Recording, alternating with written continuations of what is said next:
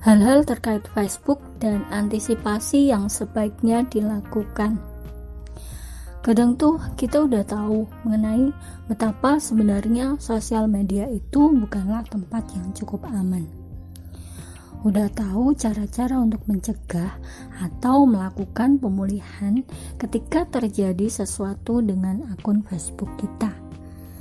Tetapi sering kali kita berpikir sederhana Seakan-akan kemungkinan pencurian akun Facebook itu cukup jauh untuk menimpa kita.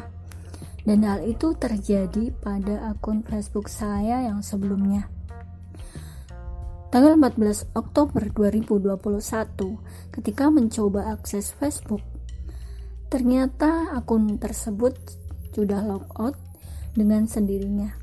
Saat login berkali-kali tetap tidak bisa karena disebutkan bahwa email dan password sudah berubah dua jam yang lalu. Cara-cara pemulihan sudah saya coba dan menjadi sia-sia. Saat itu sebenarnya saya masih cukup berharap. Mungkin hanya kesalahan sistem. Maka keputusan untuk mengambil jeda. Sambil sesekali tetap mencoba untuk kembali melakukan pemulihan. Tetapi tapi ternyata pada Jumat 5 November 2021 saya mendapat chat dari seorang teman bahwa ternyata akun tersebut sudah berganti foto profil. Beberapa teman juga mencoba berupaya untuk membantu pemulihan, tetapi lagi-lagi gagal.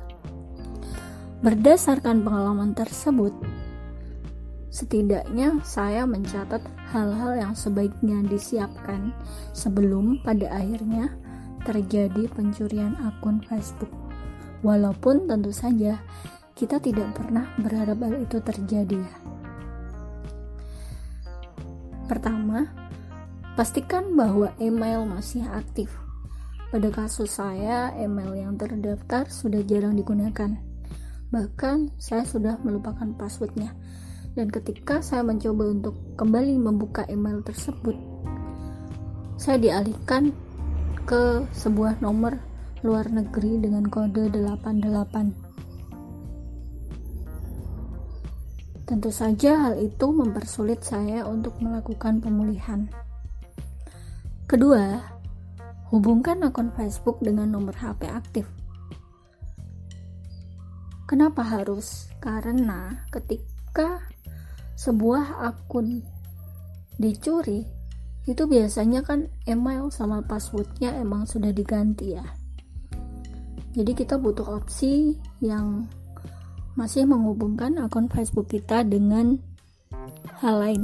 Dalam hal ini adalah nomor HP sehingga ketika kita sudah tidak punya lagi akses terhadap email setidaknya kita masih punya akses ke nomor handphone kita.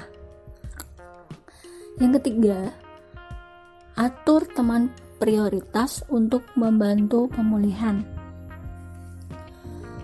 Pada awalnya saya kira uh, teman prioritas ini bisa langsung dimasukkan ketika akun kita sudah bermasalah. Ternyata tidak. Ternyata teman prioritas ini harus diatur terlebih dahulu sebelum akun tersebut terjadi apa-apa. Jadi di sini diminta untuk memasukkan 3 sampai 5 nama teman untuk kemudian dihubungi ketika terjadi sesuatu dengan akun kita gitu. Lalu yang keempat, sangat tidak disarankan menggunakan email utama yang terhubung dengan handphone. Hal ini tentu saja akan menjadi berbahaya karena email kita yang terhubung dengan handphone ini menyimpan banyak sekali data. Dari mulai nomor handphone lalu nama-nama kontak teman kita nomor HP teman kita terus galeri backup aplikasi dan sebagainya. Ya kurang lebih seperti itu. Langkah-langkah yang harus dipersiapkan sebelum akun kita terjadi sesuatu. Terima kasih.